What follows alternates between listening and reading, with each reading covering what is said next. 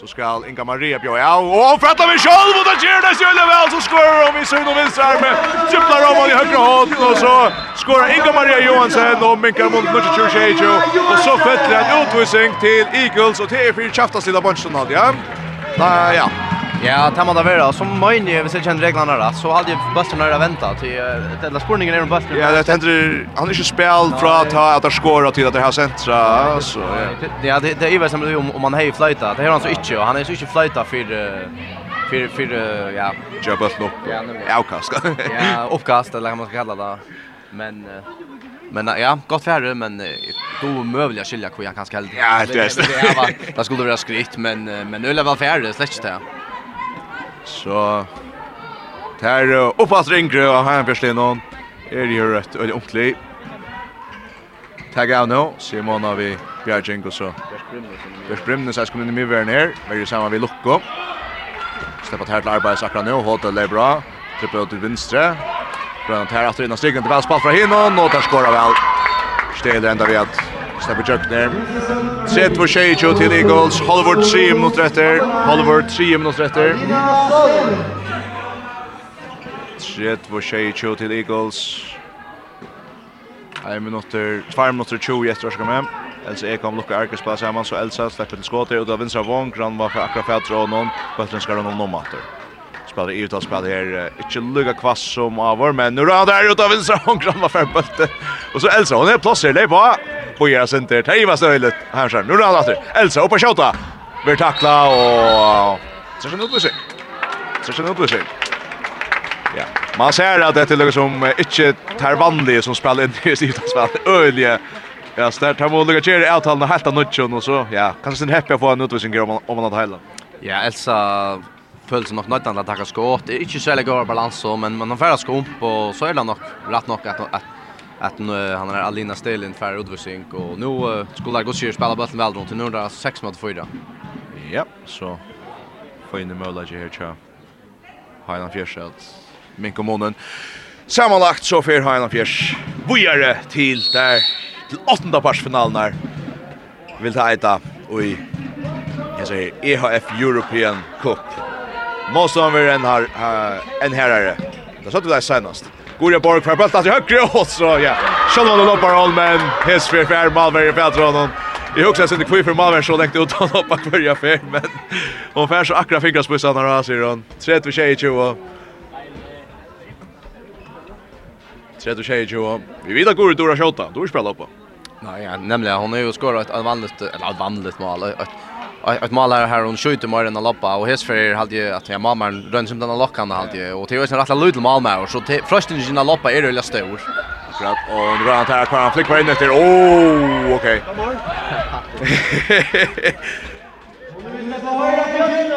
Det ryggar Julia väl. Tja Hemmers. Och så kodar vi går. Sänder fram och strikna till Luka Arke. Helt alls i ärkna Maltaje. Sänder bara till Bante Fensja Björk Brymnes fram i strikna. Och så minkar hon om månen ner i två mål. Sett med 8-2 till Spån Eagles. Hajna Fjärs 8 vid 8 mål och sammanlagt. Hajna Fjärs bara vi är i Europa om en 45 sekund. Så Høyres Høyresøtlen, standande lekna brester, fire, Hesson, Nutja europeiska average tja Hainan Fjers. Halvor mot etter Eagles Jalope. Ter Ungo, tja Hainan Fjers. Ter Uppater, Ingrid tja Hainan Fjers. Inn i verje støve. Eagles skorar av en hoppeskott mitt 4 til 31 28. Elsa Ekholm av en backen til Lokko Arko så Elsa Elsa är gott plats när signal Bjørsk, Bjørsk i frøy åter og Bjørsk, hon hämtar fram och skorar Bjørsk Grimnes til Aino Mikael Mom till Aino 3 20 Åtta sekunder efter Mia Emenegger för Himens och Hotel till Sveriges landslagar ner. Bräste bulten först tjeje, upp under loftet och så är distron av. Haina Fjärs är i åtta parsfinalen och i EHF European Cup. Och där fäktas och där sannas det igen runt in Javetlon. Spån och Eagles, Moheim till Sveriges.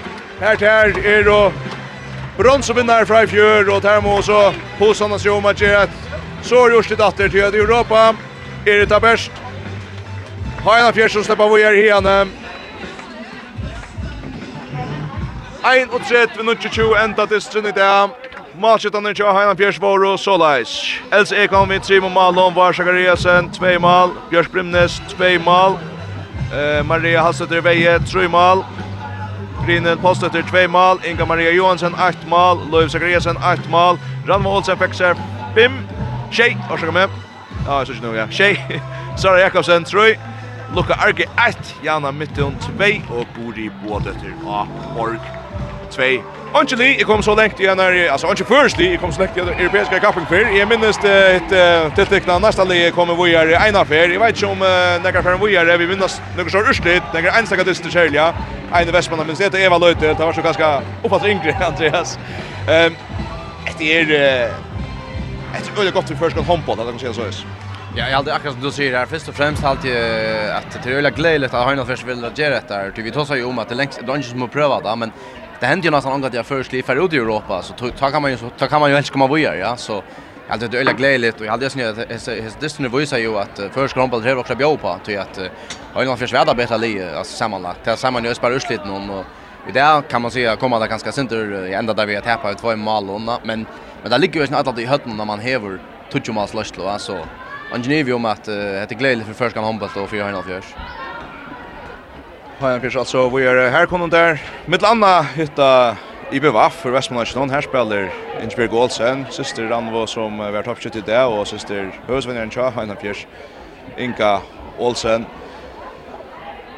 Lagarna för att hägarna Liment i Malnon som rätt nu sjående ska vara i efter att så var det brakt, vill jag säga. Efter att så var det brakt. Jag får inkallat mikrofonen att han lever att ta sig vid era milar alltid. Så får locka från Ivrig. Andreas, ta i på att jag spurgade om god tim du kör hjälpa mig att res för Kan vänta du vänta du att att stön skulle vara så där? Tar vi vår komna ända.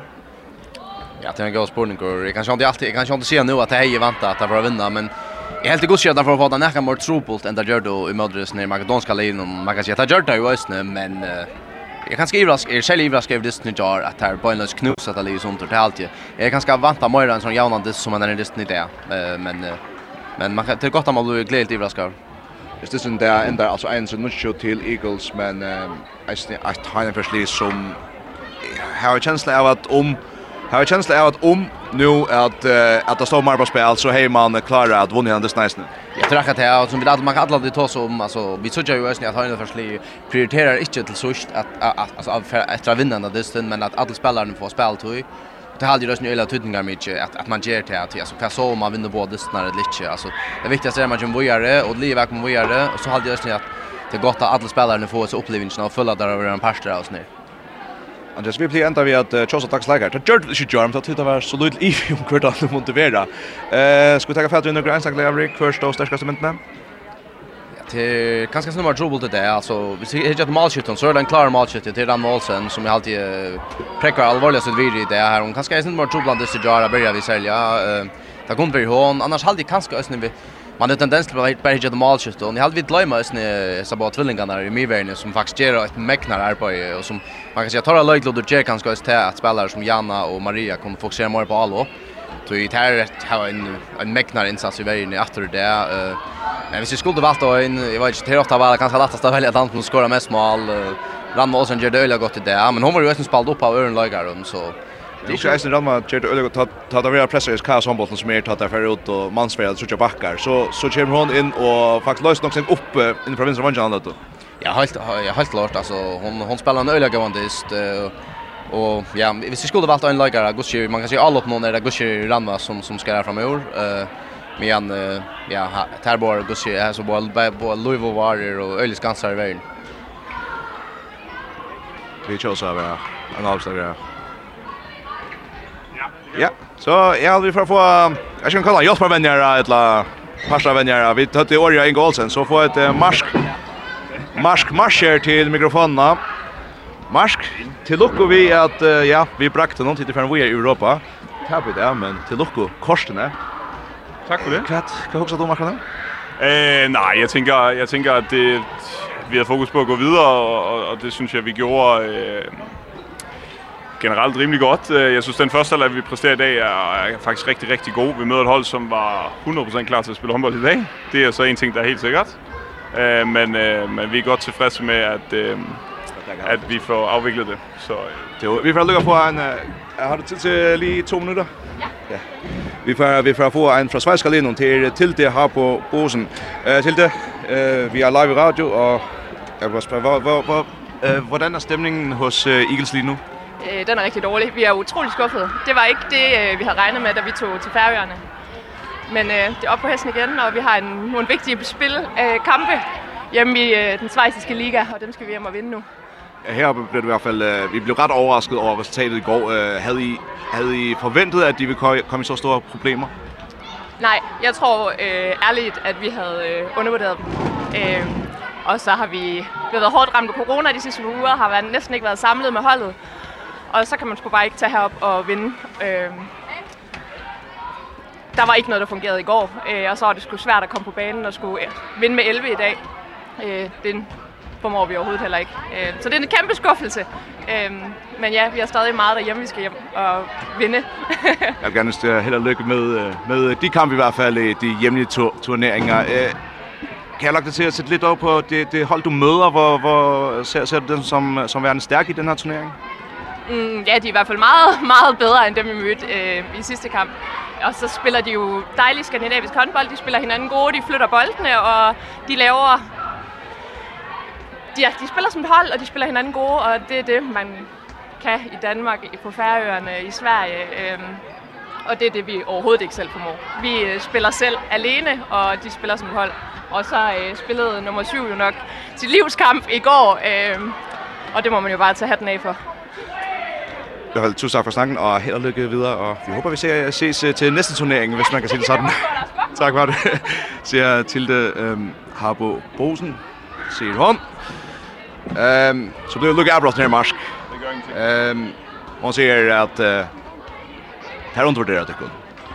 Det er mest det ganske. Ja, det havde vi, det havde vi forventet. Øhm, vi undervurderede bestemt ikke dem, men vi var øh, godt klar over, hvis vi skulle vinde øh, i går, Og øh, samlet, så skulle vi være rigtig godt forberedt. Og vi vidste nok godt, at første halvleg i går var helt ekstremt vigtig, og, og det viste sig så også, at den var. Fordi at, øh, jeg kan hurtigt regne ud, at de sidste tre halvleg taber vi faktisk samlet, så øh, første halvleg var rigtig vigtig i går.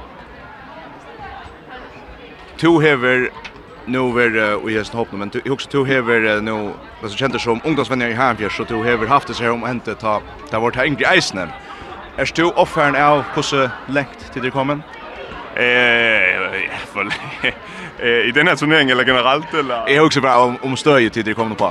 Eh, nej, det er jeg ikke overrasket over. Det er jeg bestemt ikke. Ehm de er vant til at træne rigtig meget, rigtig godt, og eh, det tror jeg man ser tilbage i eh, måden vi spiller på. Vi har når man træner meget, så har man flere muligheder, og, det synes jeg at eh, vi ser især i spillet i går. Ta vi ehm ta tid på att uh, veta att ta kappgar blir så fyra gånger till i robotister och sjön det är något som ska hänga samman vid landskapingen och nu skulle det alltså till uppåt fler i robotister att det vantar till ett det att det skulle också såna kommer i Europa här. Nej, det hade jag inte, men det passar fint i den cyklus man arbetar med i förhåll till turneringen för att det är inte någon hemlighet att det första halva år är är kan man säga en förberedelse till det sista halva år, hvis man føler, at man er god nok til top 4 i hvert fall. Eh så det passer rigtig godt ind i ind i programmet og i cyklusen og vi er rigtig glade for at vi får sådan nogle kampe her, fordi det jeg ved ikke hvor meget bedre vi bliver af det som hold lige nu, men jeg ved at spillerne lærer rigtig meget af det og bliver bedre individuelt, og det er vigtigt i forhold til udvikling. Mars Kvader stod mest nøgte ved øh, dette vikskiftet. I dag, øh, I dag er jeg rigtig tilfreds med den første halvleg vi leverer, fordi at, øh, det er ikke nemt at føre med 10 mål og skulle gå ud og forsvare en føring. Øh, men Men i går øh, der spillede vi helt ekstremt godt i første halvleg. Og det er at det er allermest uh, tilfreds med den her uh, i den her weekend, fordi vi har brugt 2 uger meget intens på at træne frem uh, til kampen i går specielt. Eh, der var nærmest ikke en bevægelse vi ikke kendte til dem og uh, og det viste sig at sig og, og jeg er vildt imponeret over hvor godt spillerne har taget imod det. Eh, fordi der har været rigtig mange informationer og uh, det belønner sig. Så ja, det er jeg tilfreds med. Nu er det det midten der senaste 16 och jag ser kappingsna. Hur störst försök sen? Nej, det det vet jag ikke. Vi tar bara en kamp i gang. Jag tror inte det är någon hemlighet att att at alle kamp eller ligegyldigt hvilken motstander vi får så er vi uh, helt sikkert underdogs uh, og uh, det er en rolle som vi åbenbart trives fint i. Eh och det kräver att alle de områder, hvor vi kan være bedre end de andre, der skal vi være bedre end de andre. Forberedelse, øh, sammenhold, øh, kendskab til hinanden og alle de her ting. Øh, og det, det tror jeg på, at det kommer vi helt sikkert til at bruge rigtig meget tid på frem til, hvem det nu end er, vi skal møde. Øh, og så må vi se, om det er nok. Men det er i hvert fald sjovt at prøve. Vi får til en Kleakon, og jeg vet ikke, vi var inne att Andreas. Det er inte sånn det ringer nå at lokka upp her opp til, til førre spillet. ja, det ved jeg ikke. Hvis det er Gran Canaria vi trækker, så tager jeg også gerne en udbanetur, vil jeg sige. Vi får så tjekke for det her været føren til lukker vi brakt noen marsk. Tak for det. Se marsk. Marsk her. Jag vill ju mal vi en tjej här Björs Runo Larsen till mikrofonen. Runo, han akkurat nu? Eh, det är det jag ska vid vi börjar kappen snä och våna och komma vidare alltså senast för. Och så valde vi vi taggade inte sista kanchen så alltså klarar vi det så klarar vi det och tar vi ska klara kan så väl att allt är rallyn på mända. Vi har flyer för några år, jag vet som åkte ut, Marskbant och Jan in i Jar och att ta fyra hållare som händer i Jar, alltså det det verkar som det alla spelar att det kan lustigt, det går ju upp lite då. Eh jo, alltså det verkar ju det som vi vi spelade bäst att det som vi hade alla prestera och kvar som plats vi visste kvar vi får göra att vi kom ut av vattnet vi hade en grej att hålla och halt jag som en ordla sa att Ice fra Timon som kom in efter när vi en för ut av bunchen och han han nästan som så kom in hon hon gjorde akkurat lika gott av av öllen så det hade vi kommer att stolta där. Och du själv fettar Bjerg kommer så både både snar hur ser du nöjd? Ha? Så Du får fetta bjärge kunde så både andra konserter nökt. Ja, det allt ja, alltså Jo, vi hade tossar, vi hade rädda gå fyra, kring tänkte eisen på skiftarna, vi visste att backarna inte hade höjden är utifrån och vänkarna är där skott längs så ja, det är som man kan tacka vänjarna om att det har gjort ordentligt gott arbete vi att få dem klara så vi ja, kunde klara oss så väl som vi gjorde. Ja, det är känt ju också av någon och natter för att det förr har spalt mot Schweiz, alltså högerbacken dömes landslagsläkare skjuter och ja, arstresten. Eh, Er det en av det der troplass i skyttene du røkt ganske? Ja, det, altså, det er ikke annet, det er noe annet. Altså, i førjen, man kjenner skyttene, altså, man vet ikke hva der kommer vi, men jeg halte vi klarer det der det var bergen kjøkken, hun sendte det vel, gjør det som det beste for malene, så vi kunne arbeide ut fra tog, særlig i, i det som jar. Så ja, jeg halte trobult, men, men jeg halte det som vi klarer støvnene rett og slett. Og jeg er sånn her, um fyra hållagren som är det. Så lägger det öliga jämt alla åttan sin första, alla första hållagren. Ta tid så blir jag ökat ta. Hur hur känns det av öll? Du ständer av öll och så bollen färbe in och därför färs inte att här. Alltså hur känns det? Alltså jag helt alla till att alltså det var tatt en av er. Ta ta var det snett till att man man är fyra gånger så på att här får jag komma. Vi ödlen så där hade jag helt gäst där var jag inte eh tecknar efter av hur klarar vi det kan jag ju på testen. Ehm um, men vi visste så isen fra det som gör att vi ordla var nötter till att göra vårt bästa med och till att det är vanligt att man har en så gång och så fett man efter vi näkom all och till det här där kicksar. Det är i Europa till det är osäkrar i förskolandskapen snär. Kus kus kus kus högt drömman och i är i här fjärs. Jag vet ju att alltså Bætt nu så hade ju bara vi tagit en dessa gängen vid Sassupa kom och i fyra. Och så ja, tackar vi det här från till Schneckvanna. Vi ja, vi tackar det här skrittet gången. Jag ska vi är i Europa träd bara. Ja? Jag ska ta träd vi är i Europa. Vad alltså vi vet man vet alltså när det ligger tack kommer vi kommer emot det men vi ja, vi tackar det som det kommer alltid till planen. Därför har vi vet att det så jag kvart vi är nästan som kommer i Ötland förra och till vi en ölen average och till luckar vi en praktik och så skriver han något här. Tja, han fjärs och här runt och Larsen tack för. Så tack för det. Svensk, altså Malverien, Bruna Larsen, som eh, er videre inne igjen da. Tidere inne, hva er det? Ja, datt. Datt og snyrer, og alt er tjekka, veist du. Så, eh, skal få at den neste leikere han iver. Skulle spela sent mer av Sanchez om igjen. Vi tar en... Uh, Nei, nei, Ranva Olsen kommer spakande iver, alt er missioning, hun er for å komme iver til det her. Så hun kommer spakande iver så halda jeg fram her. Vi tar det just från Rune Larsen och har hørt hört fra från Marsk Marscher. Ehm um, och så har vi deisen från en av Schweizer altså, alltså ehm um, till det båsen. Men så har dagsens toppskytta och en som vidt, uh, vid kurs utførende dagsens avloppsleikere, Ranva Olsen. Du tror i Europa, hur känns det? Det är helt fantastiskt. Ja, det är det är bara mega gott. Hur var det å spela? Ehm um, jo alltså det var okej. Alltså det gick inte bättre att göra allt det. Det gick ganska bättre mer ut det än Jared bränt bränt det mesta. Ehm jag har lagt där shouta som av igen och nu tar jag känt jag inte bättre. Ehm så det var alltså ja helt har lagt där shouta och så vidare men ehm Ja, vi tappade och sådär, men... Uh, jag lägger man snägg var, ja? Nej, det är inte så du har mycket nu. Men det var ju så.